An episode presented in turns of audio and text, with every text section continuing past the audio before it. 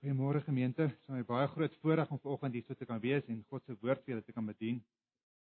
Baie lekker om so baie mense voor my te sien en nie net 15 of 20 nie. Ook baie dankie aan al die ouderlinge vir hierdie geweldige groot voorreg en vir Jakobus wat my die geleentheid gee sodat ek ook kan groei in die roeping waarvoor die Here my geroep het. Ehm um, ons skrifgedeelte vir oggend is Handelinge 2 vers 32 tot 36. Die wie Bybels het, kan asseblief my laai daarna toe, die wie slimfone hier het, kan vir my scroll daarna toe, die wie tablets hier het, kan vir my die applikasies oopmaak of die toepassings oopmaak. Handelinge 2 vers 32 tot 36.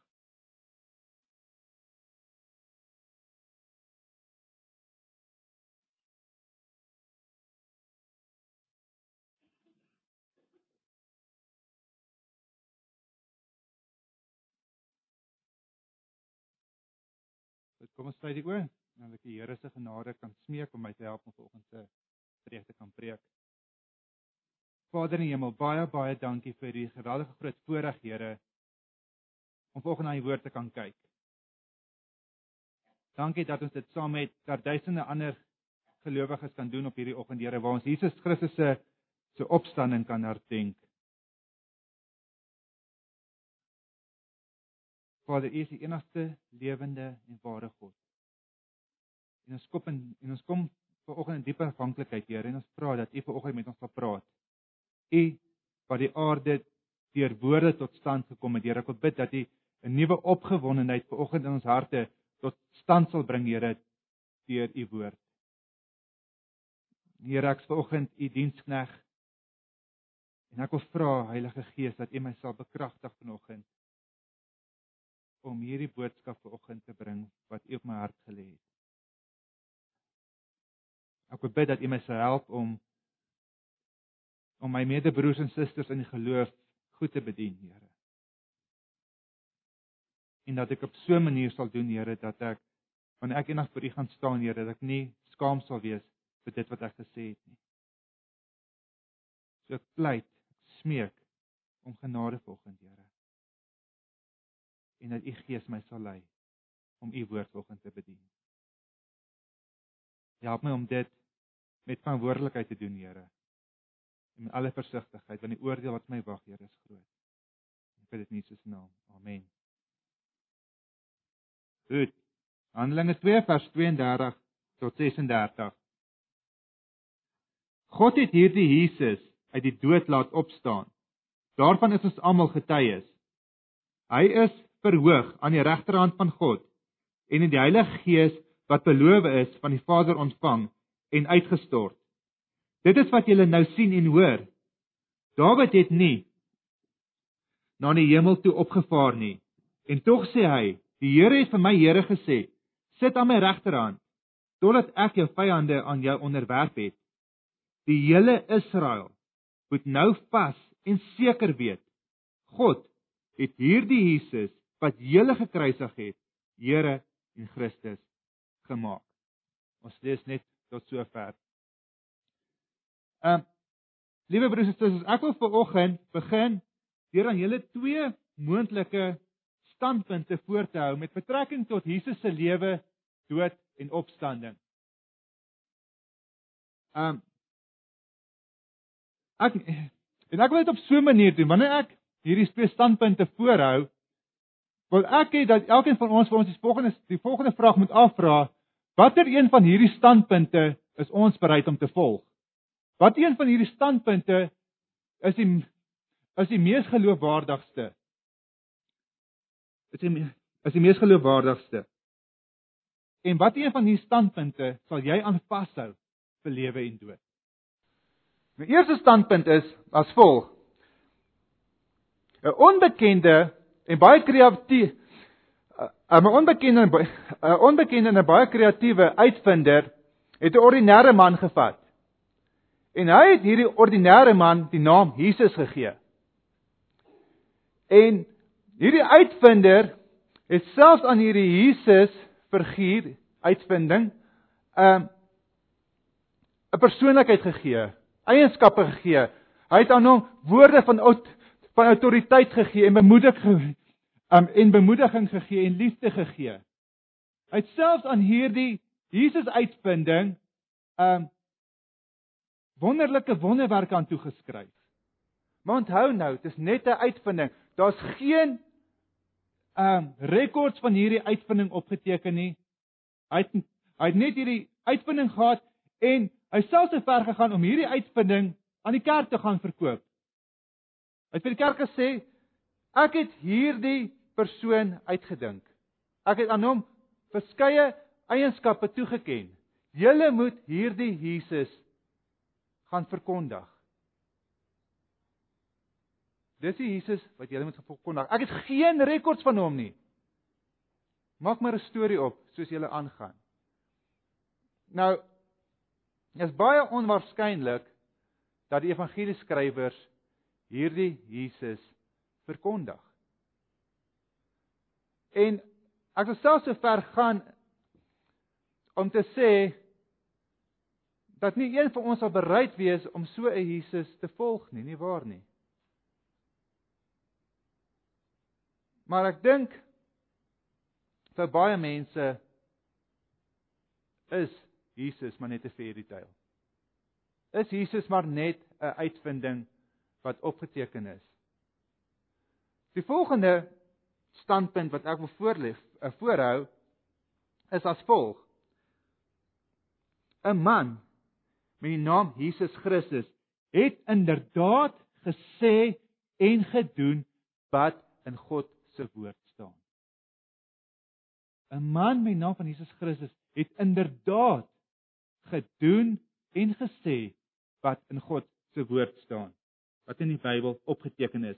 Met ander woorde, die Bybel wat God se woord is en wat ook 'n en wat ook 'n historiese boek is, dien as genoegsame bewyse dat Jesus Christus werklik histories gelewe het, histories gesterf het aan die kruis en histories opgestaan het uit die dood.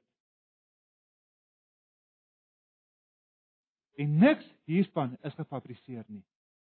Niks hiervan is gefabriseer nie.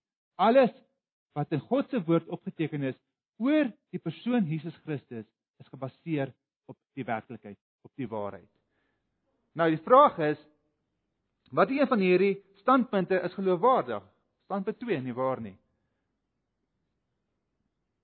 Omdat daar bewyse opgeteken is, die waarheid oor Jesus Christus is vir ons opgeteken deur God self. Deur God self. So, wat Jesus gedoen het en gesê het, kan ons glo. En my gebed is dat ons ver oggend, my doel van my preek is om 'n nuwe opgewondenheid in Antipas ehm um, ehm um, om te bewerk deur die verkondiging van um, van die woord vanoggend en dat ons opnuut ons vertroue in Jesus Christus sal plaas. Dat ons opnuut ons vreugde in Jesus Christus sal plaas. Omdat hy 'n lewende God is. Omdat hy nie net 'n uitvinding is van iemand nie. Maar voordat ons na die skrifgedeelte gaan kyk, wil ek net eers die konteks skep waarin ons onsself bevind in Handelinge 2 vers 32 tot 36. Nou, Handelinge sowel as Lukas is opgepen ag ekskuus is neergepen deur Dr Lukas. En die ontvanger van van van die evangelie volgens Lukas en die in boek Handelinge is Theophilus. Nou Theophilus was 'n baie prominente persoon, moontlik baie ryk en hy het na en hy het gehoor van Jesus Christus. Seker mense rondreis het gehoor van die persoon Jesus Christus en uh, en hy gaan toe na Lukas toe wat 'n mediese dokter was en hy sê vir Lukas staak jou praktyk vir vir vir 'n ruk lank. Ek sal jou finansiëel onderhou, maar gaan doen vir my navorsing oor hierdie Jesus wat ek al van gehoor het. Gaan vind vir my uit of dit wat die mense sê oor Jesus waar is. Dat dit wat geprofeteer is oor Jesus Christus waar is. En Lukas het 'n praktyk gestaak vir 'n vir 'n tyd lank en hy gaan navorsing doen. Hy het by hierdie persoon gehoor, "Wat weet jy van Jesus?" Hy het daardie persoon gehoor. "Wat weet jy van Jesus?" Hy het opgeteken na sy rekords toe gegaan en gesê, "Dit stem oor, dit stem ooreen, so dit moet waar wees." En hy het vir Theophilus en ook vir ons vandag in 2014 die boek Handelinge opgeteken. Nou ons bevind ons af in um in hoofstuk 2 vers 32 by die geboorte van die eerste kerk in uh, van die eerste kerk in Jerusalem. En ons bevind onsself in in Jerusalem op Pinksterdag. En dit is my baie opvallend toe ek toe ek aan met die preek voorberei dat die kerk se geboorte het op 'n Sondag plaasgevind, op die dag wat Jesus opgestaan, ag um, opgestaan uit die dood uit. Ehm um, so ons vind onsself in Jerusalem en ons vind onsself op Pinksterdag, maar meer as dit, ons bevind onsself op Pinksterdag waar Jode van heinde en verte bymekaar was op hierdie spesiale feesdag. Wat God al in Levitikus gesê het die Jode moet vier.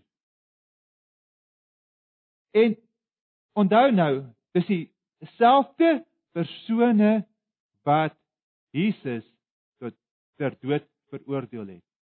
Dis Jode wat hierso teenwoordig is um, op Pinksterdag.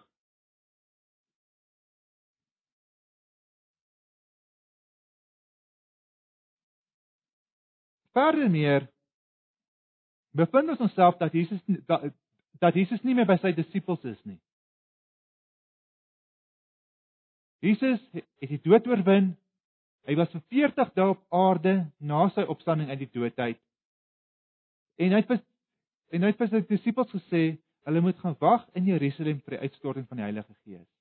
Maar 10 dae voor die Gees uitgestort is, het Jesus opgevaar na die hemel. So die disippels was sonder Jesus. En hulle moet wag vir die uh vir die Heilige Gees. So hulle was in 'n boefretrek en daar het God die Heilige Gees uitgestort. En daar's die eerste kerk gebore, 120 mense was teenwoordig in 'n boefretrek. En God het hulle die genade gegee om in ander lande se tale te praat. En toe is die die die, die, die wonderlike groot dinge van God verkondig. En ons gaan nou kyk Ons kon gelukkig nie na Petrus se hele preek kyk nie. Ons gaan nou preek, ag nou kyk na die sterk gedeelte van Petrus se preek wat hy op Pinksterdag gepreek het aan die Jode in Jerusalem. In in Jerusalem. So, ehm uh, my eerste punt vanoggend is wanneer ons gaan kyk is God het hierdie Jesus uit die dood laat opstaan. God het hierdie Jesus uit die dood laat opstaan. So jy kan vir my Staan my volg Handelinge 2 vers 32. Petrus sê hierso aan die Jode teenwoordig op Pinksterdag. God het hierdie Jesus uit die dood laat opstaan. Daarvan is ons almal getuies. Daarvan is ons almal getuies. Nou, die Jode het gedink hulle raak ontslaaf van Jesus. Hulle gedink hulle raak ontslaaf van Jesus. Hulle hulle het nie geglo Jesus gaan weer lewendig word nie. Want want hoekom die moeite doen om iemand dood te maak wat weer na 3 dae lewendig gaan word? Hoekom die moeite doen? So hulle gedink, kyk, ons raak ontslaaf van Jesus, ons maak hom dood uit uit die prentjie uit en ons kan voortgaan met ons godsdienstigheid.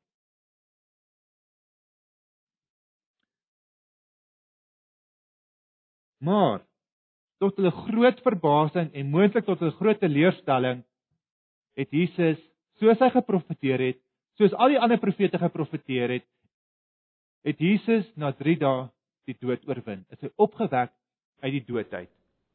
Is hy opgewek uit die dood uit? Met ander woorde, op Pinksterdag waar baie Jode bymekaar by was, sê Petrus vir hulle dat Jesus weer lewe. Petrus sit sy kop op 'n blok hierso. Daar's Jode teenwoordig. Die ouens wat vir Jesus ter dood veroordeel het. Hy sê vir hulle, luister julle ouens, Jesus lewe weer. Jesus lewe weer.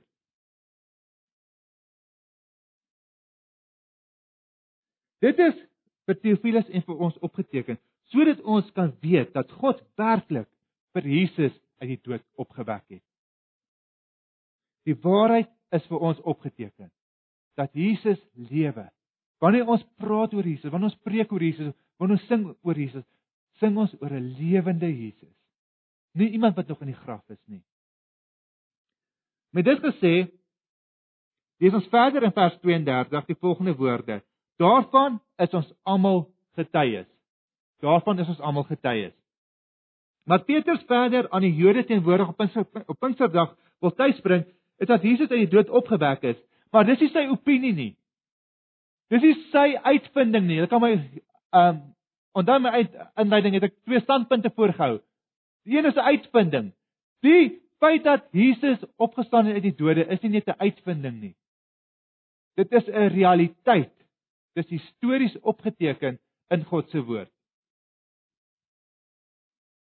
Petrus sê aan die Jode, almal is getuies daarvan. So, daar is getuies dat Jesus die dood oorwin het. Omdat die graf was ges, die graf was geseël. Daar was wagte voor die graf geplaas. En dit het nie gekeer dat Jesus opstaan nie. Ek dink was koning Herodes wat gesê het en die Jode het gesê sê die die, die lijk is gesteel. Nou as 'n lijk gesteel is, dan moet hy mos ergens heen verdwyn. Maar nee. Jesus het daar gestaan en was getuies. Nou ek wil vir julle um 1 Korintiërs 15 vers 3 tot 8 lees sodat ons kan sien hoeveel mense Jesus het gesien. Dit was net een of twee wat Jesus gesien het nadat hy uit die dood het opgewek het, nê? 1 Korintiërs 15 vers 3 tot 8.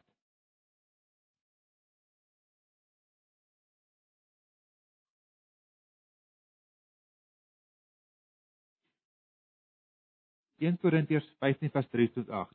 Die belangrikste wat ek aan julle oorgelewer het en wat en wat ek ook ontvang het, is dat Christus het vir ons sondes gesterf volgens die skrifte. Hy is begrawe en op die 3de dag opgewek volgens die skrifte. Hy het aan Sefas verskyn. Daarna aan 12, ag, skiet aan die 12. Dit is nou die 12 disippels en daarna aan meer as 500 broers te gelyk. 500 broers te gelyk. Van wie sommige al dood is, maar die meeste nou nog lewe. Die meeste nou nog lewe. Daarna het hy aan Jakobus verskyn en toe aan al die apostels, heel laaste skryf Paulus, het hy ook aan my, die ontydige geborene, verskyn. So daar was meer as genoeg mense wat Jesus gesien het. En as die Jode nog steeds vra het oor die feit dat Jesus werklik opgestaan het, daar's nog ouens wat nou nog lewe. So hoekom gaan vra hulle hom nie? Vir ag, skies vir daardie mense nie. Daar's nog van hulle wat nog lewe, so hulle kan hulle ook gaan vra.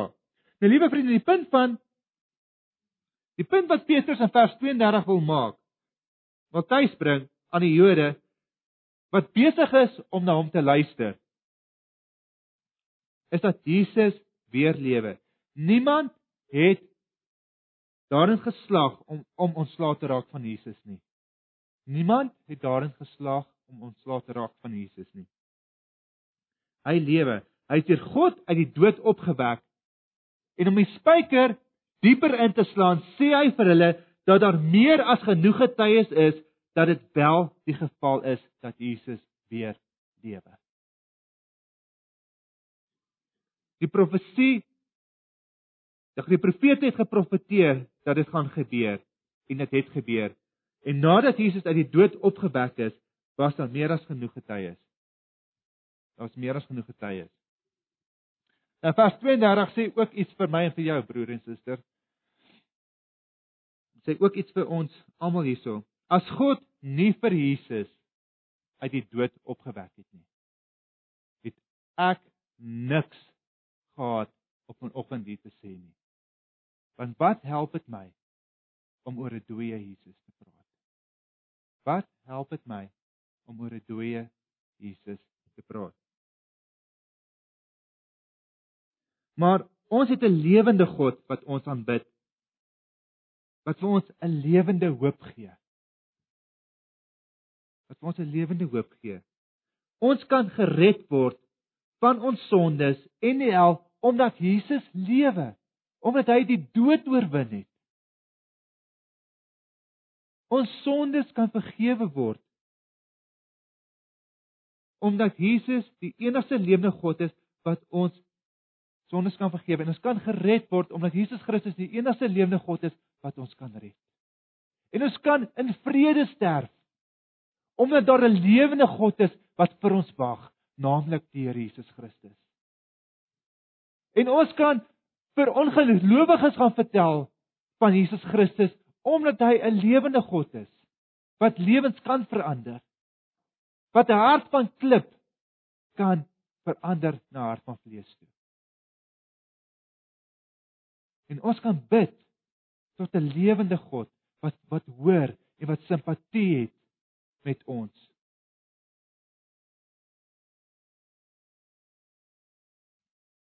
En dit is wat die Christelike geloof so anders maak as enige ander godsdienst.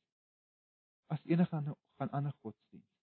Daar's konkrete bewyse wat Jesus Christus gedoen het. Die feit dat hy lewe is ons opgeteken. Vir ons opgeteken. Maar die vraag is, hou ons vas aan die evangelie boodskap?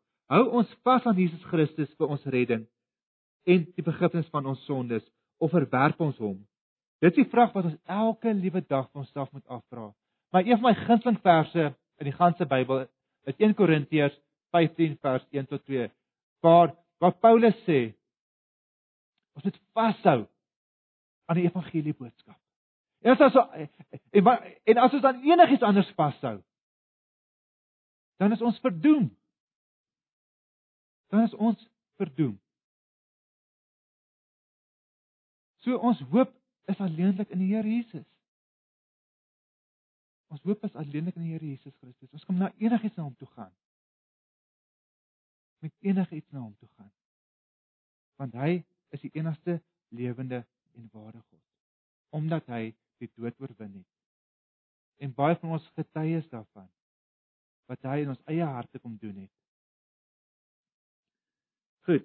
Dit bring my dan by my tweede punt. Hierdie Jesus wat opgewek is uit die dood, is verhoog aan die regterhand van God. Lees asseblief saam met my uh, vers 33 van hoofstuk 2, Handelinge hoofstuk 2. Hy is verhoog aan die regterhand van God en hy die Heilige Gees wat beloof is van die Vader ontvang en uitgestort.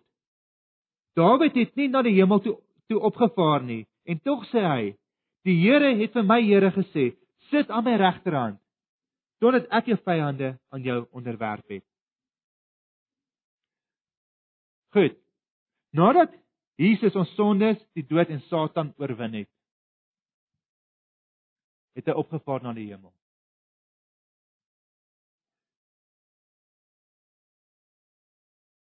Hy het opgevaar na die hemel. En vers 33 sê vir ons dat Jesus verhoog is aan die regterhand van sy Vader. Nou wat beteken dit? Die feit dat Jesus nou in die hemel is en aan die regterhand van God van God die Vader sit op sy troon beteken dat Jesus se werk hier op aarde volledig afgehandel is. Ek sê hier op aarde volledig afgehandel is. Die werk wat hy op aarde moes kom doen het, is volledig afgehandel. En ek wil vir ons in Hebreërs 10 vers 10 tot 14 lees. Om hierdie punt duidelik te maak. Hebreërs 10 vers 10 tot 14.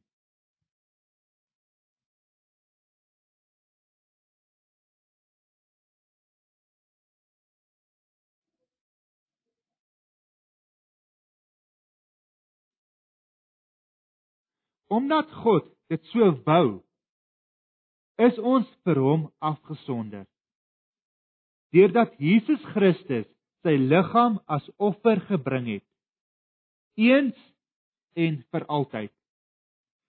Verder, elke priester staan dag vir dag sy diens en verrig en bring elke keer weer dieselfde offer wat tog nooit die sonde kan wegneem nie. Maar Jesus Christus het een offer vir sondes gebring en vir altyd aan die regterhand van God gaan sit.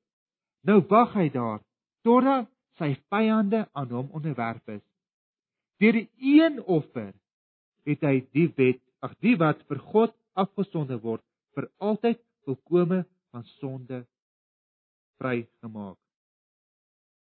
Nou Jesus is ons hoofpriester. Hy sit langs God die Vader in die hemel. En tree vir ons in. En tree vir ons in.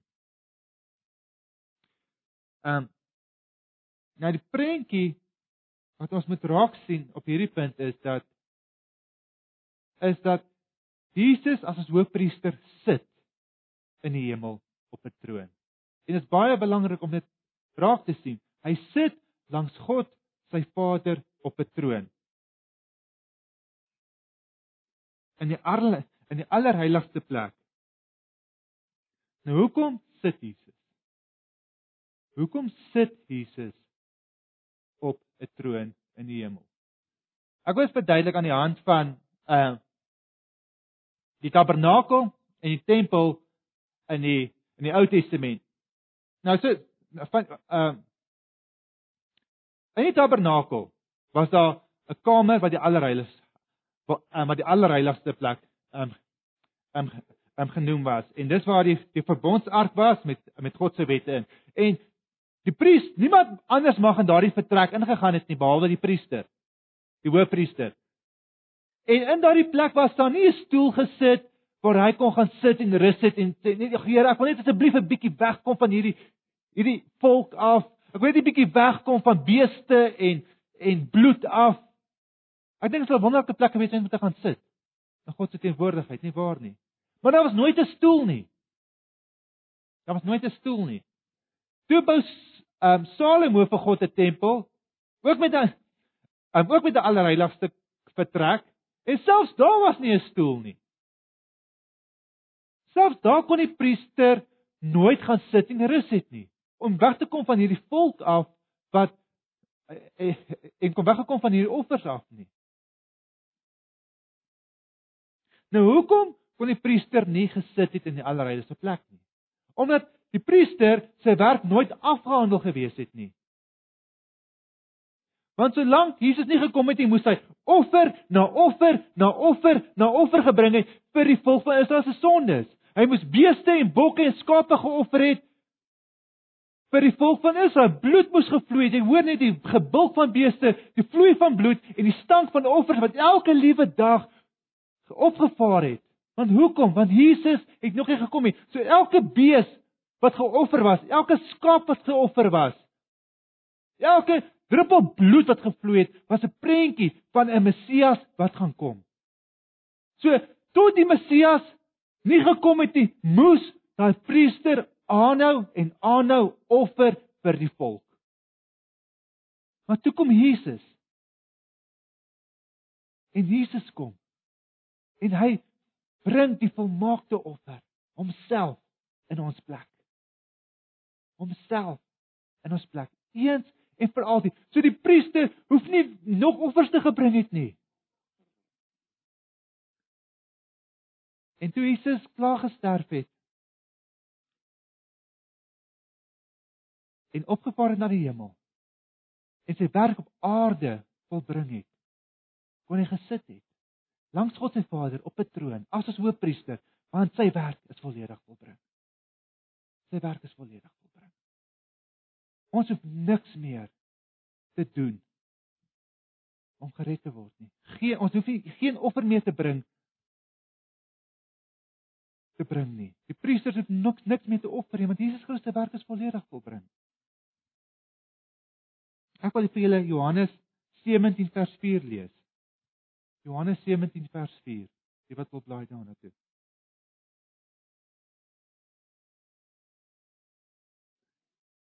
Johannes 17 vers 4. Ek het u op die aarde verheerlik deur die werk te volbring wat u my gegee het om te doen. Jesus se eie woorde. Ek wil dit weer vir julle lees. Ek het u op die aarde verheerlik deur die werk te volbring wat u my gegee het om te doen. Jesus Christus het aarde toe gekom om die Vader se wil te doen. En dit is om sondaars te red van God se oordeel en die hel. Van God se oordeel en die hel.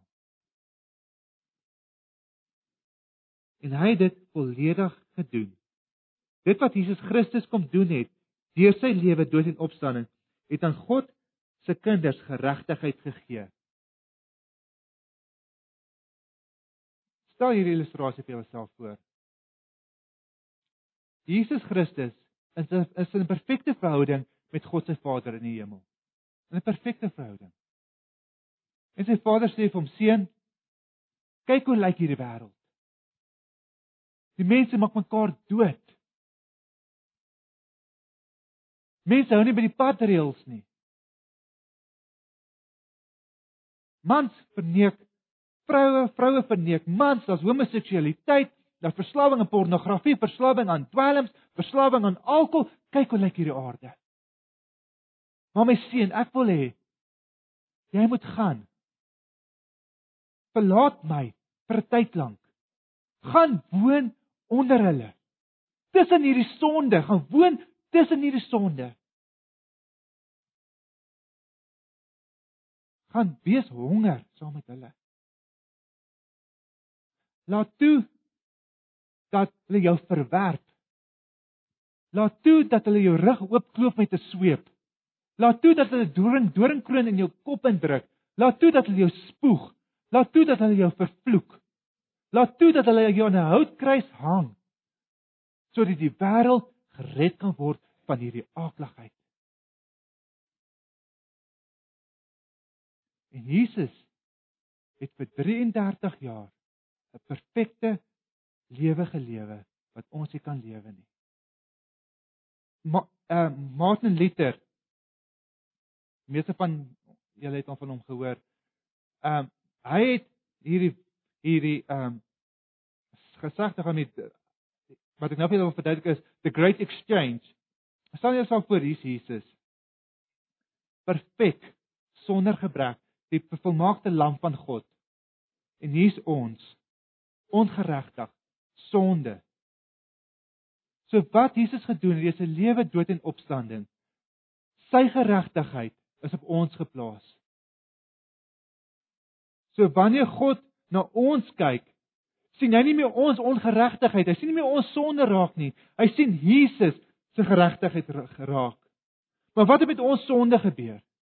Dis op Jesus geplaas. En Jesus het onder daai magdom van sonde gesterf op Golgotha op daardie kruis. Al jou sonde wat jy al ooit gedoen het en wat jy voor nog gaan doen, het Jesus voorgesterf. In ons plek ter wille van ons. Dit is die merkwaardigheid van die evangelie. Dit is die hoop waar ons aan kan vashou. Dit is wat ons kan vrymaak van ons sondes. Dit is wat ons kan dit is wat ons red van die oordeel van God en van die hel. Onthou nou die gehoor wat hier so is is Jode. Die ouens wat na Petrus luister. Hulle het godsdiens beoefen. Dis wat godsdiens so gevaarlik maak. Doen A, B en C en jy sal gered word. Hou by die spoedgrens gaan kerk toe. Lees jou Bybel. Help die ou mense. Versorg die wêreld met met voedsel. Dan sê jy gered word. Soos ek wil kan sê, broers en susters, werk vir julle redding. Werk vir julle redding. Ek onthou as kind. En baie mense lag as ek 'n storie vertel. Maar ek was ek was in Prinslop skool en daar was mense wat regtig probeer het om die Bybel vir ons te leer. Man, die evangelie was nooit aan my vertel. Wat my vertel was, Hendrikus wees soet. Wees net soet dan sy hemel toe gaan. Hel was my so 'n werklikheid. Die hemel was my so 'n werklikheid. Ek wil nie hel toe gegaan nie. Ek wil graag hemel toe gegaan het. Maar hoekom dit daarso? Dan sê hy wees soet, wees soet, wees soet. Doen dit. Luister vir juffrou, luister vir meneer. En en daar was 'n tyd in my lewe dat ek dit ek, ek, ek kon dit nie reg gekry het nie. Ek het alles ek het alles in my vermoë gedoen. En as ek kom kom kry dan dan val ek in sonde en ek is moedeloos en dis wat die dis wat God sê so gevaarlik maak. Dis wat die Jode so so as as God dit so gevaarlik gemaak het. Hulle was op pad hel toe. Deur net te doen en te doen en te doen gaan jy in die hel beland. Dis Jesus Christus en Jesus Christus alleen wat ons hemel toe kan vat. Jesaja 59 vers 16. Lees as volg. Hy sien dat daar niemand tussen beide tree nie. Hy's verbaas daaroor. Daarom tree hy self, Jesus nou, self op en laat hy self sy geregtigheid geld. Laat self sy geregtigheid geld.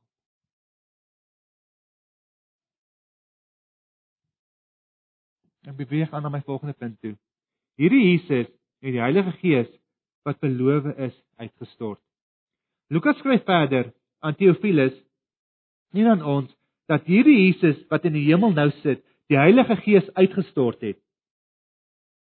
Nou God het deur die profeet Joël en ander profete geprofeteer en self deur Jesus geprofeteer dat die Heilige Gees uitgestort gaan uit uitgestort um, gaan word. En toe Jesus sy werk hier op aarde volledig afgehandel het, is hy verhoog en sit nou aan die regterhand van God, die Vader, in die allerheiligste plek. Wat ons te sien is dat God en ek hoop ek kry dit reg wat ek nou gaan verduidelik, is daar's 'n hiërargie. En uh, God is eerste in bevel. God die Vader is eerste in bevel. En God die Vader het aan Jesus Christus, sy seun, die autoriteit gegee om die Heilige Gees uit te stort op Pinksterdag op die eerste gemeente in Jerusalem. En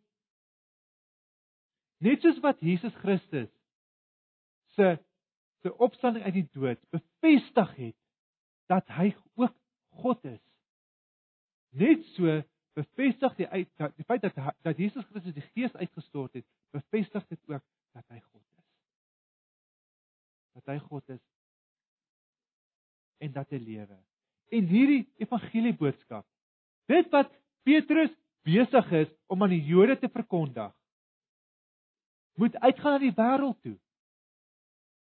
En God die Heilige Gees is uitgestort en bekragtig die Israeliete.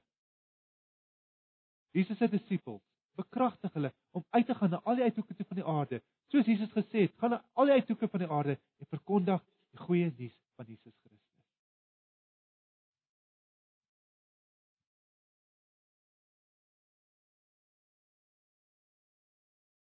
En om alles wat Jesus gedoen het te onderstreep, haal Petrus vir Dawid aan om vir die Jode te wys dat Jesus lewe dat Jesus ook God is. Dawid was 'n mens, net soos wat Jesus 'n mens was. Maar Dawid was 'n sondige mens. Dawid het gesterf net soos wat Jesus gesterf het, maar Dawid het as 'n sondaar gesterf. Dawid het as 'n koning gerig, geregeer, net soos wat Jesus as 'n koning regeer, maar Dawid was 'n sondige koning. En hy het as 'n sondige koning gesterf.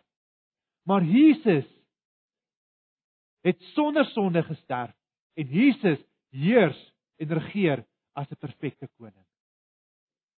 As 'n perfekte koning.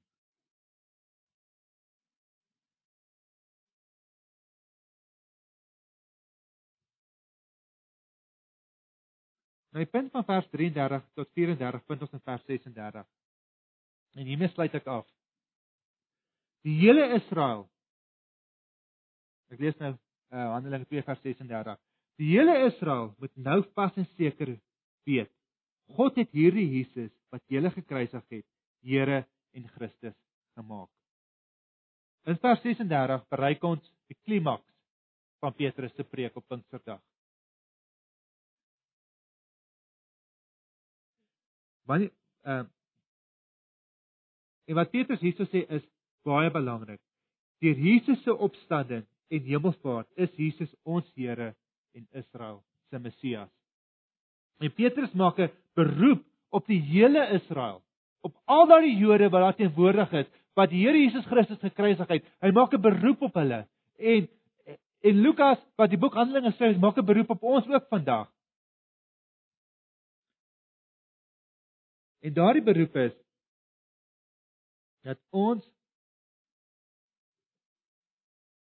die Here Jesus as Here en Christus sal aanvaar. Die Jesus van wie Lukas geskryf het, en van wie Petrus gepreek het en wie gekruisig is deur die Jode en die Romeine en deur my en jou. Hy is Here en Christus. God het hom Here en Christus verklaar. Jesus is die enigste Here. Ek sluit af met die volgende slotgedagte. Liewe vriende, ons het 'n hele boek, die Bybel. Wat opgeteken is deur God deur die werking van die Heilige Gees. Dit het geïnspireer is deur die Heilige Gees. Sodat ons genoeg same bewyse het van wat Jesus Christus vir ons gedoen het in ons plek deur sy lewe, deur sy dood aan die kruis, deur sy opstanding uit die dood en deur sy hemelvaart. En ook wat hy nou nog doen vir ons by God die Vader.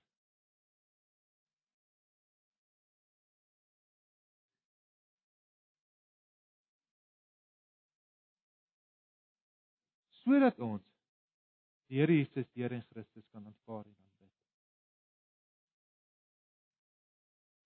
Die evangelie is verkondig. Jesus het in ons plek kom lewe en kom sterwe en die dood geoorwin, soos wat God dit van hom gevra het om te kom doen. Dit is nou tyd om te reageer. Petrus sê vir die Jode, julle moet nou reageer. Wat gaan julle omtrent hierdie nuus doen? En ons sien as ons verder lees in in Handelinge, dat daar meer as 3000 Jode tot geloof gekom het in die Here Jesus Baie van ons het reeds die evangelie aanvaar. Ons hou reeds vas aan Jesus Christus. Ons hou reeds vas aan die boodskap wat in die Bybel is. As jy vashou aan daai boodskap, moet dit nie moet dat niemand jou van daai pad af laat gaan nie. En vind jou vreugde daarin, broer en suster. Vind jou vreugde daarin. Want dis ons hoop. Sonder Jesus Christus het ons geen hoop nie. Maar ons het Jesus Christus. So ons kan pas aan daardie hoop. En Moontlik is daar iemand in hierdie vertrek wat nog nie sekerheid het oor waar jy in die verhouding met die Here Jesus. Jy het in die evangelie gehoor, daar's geen ander redding buite Jesus Christus nie. As jy enigiets by Jesus Christus voeg, verklaar jy die evangelie tot niet. Verklaar jy die evangelie tot niet. So broer en suster, jy wat nog nie sekerheid het Al kos dit jou om 'n heel dag te bid, 'n heel nag te bid, vir God vir hom sekerheid te gee, gaan doen dit. Gaan doen dit. Aanvaar die evangelie boodskap. Hou vas daaraan, want dit is die weg tot die ware lewe.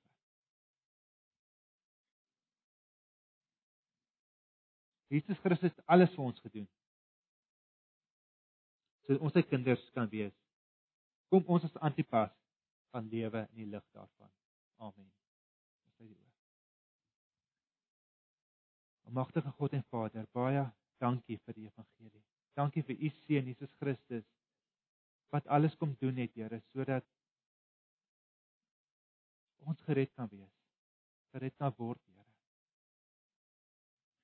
Ek wil bid, Here, dat ons dat u ons opnuut opgewonde sal maak oor die wonderlikheid van die evangelie, Here dat U ons opnuut sal sal sal dat ons hierdie wonderlike nuus wat in ons is wat wat wat met ons gebeur het, die Here vir onsself hou, die Here, maar dat ons sal uitgaan na die wêreld toe waar Jesus Christus so nodig is dat ons dat ons Jesus Christus verkondig, Here, dat ons sal getuig wat U vir ons gedoen het deur U lewe, dood en opstanding aan die kruis. Ag, deur U lewe, dood en en opstanding, Here. Here, help ons om nie hierdie wonderlike nuus vir onsself te hou nie. Here, waar as dan iemand in hierdie lokaal is, Here, wat nog nie sekerheid het nie. Ek wil bid dat U nou deur U deur die werking van U Gees om sekerheid gee, Here. Vader, iemand in die lokaal is, Here, wat wat nog nie 'n verhouding met U het nie, geensins nie, Here, dat U nou geloof in hulle harte sal opwek. Here, en ek vra met absolute nederigheid. Vra met absolute afhanklikheid, Here. Kom doen asseblief 'n werk in ons elkeen se harte, Here. Ons gered is of nie gered is nie. Wat ek nie kan doen nie. Jesus se naam.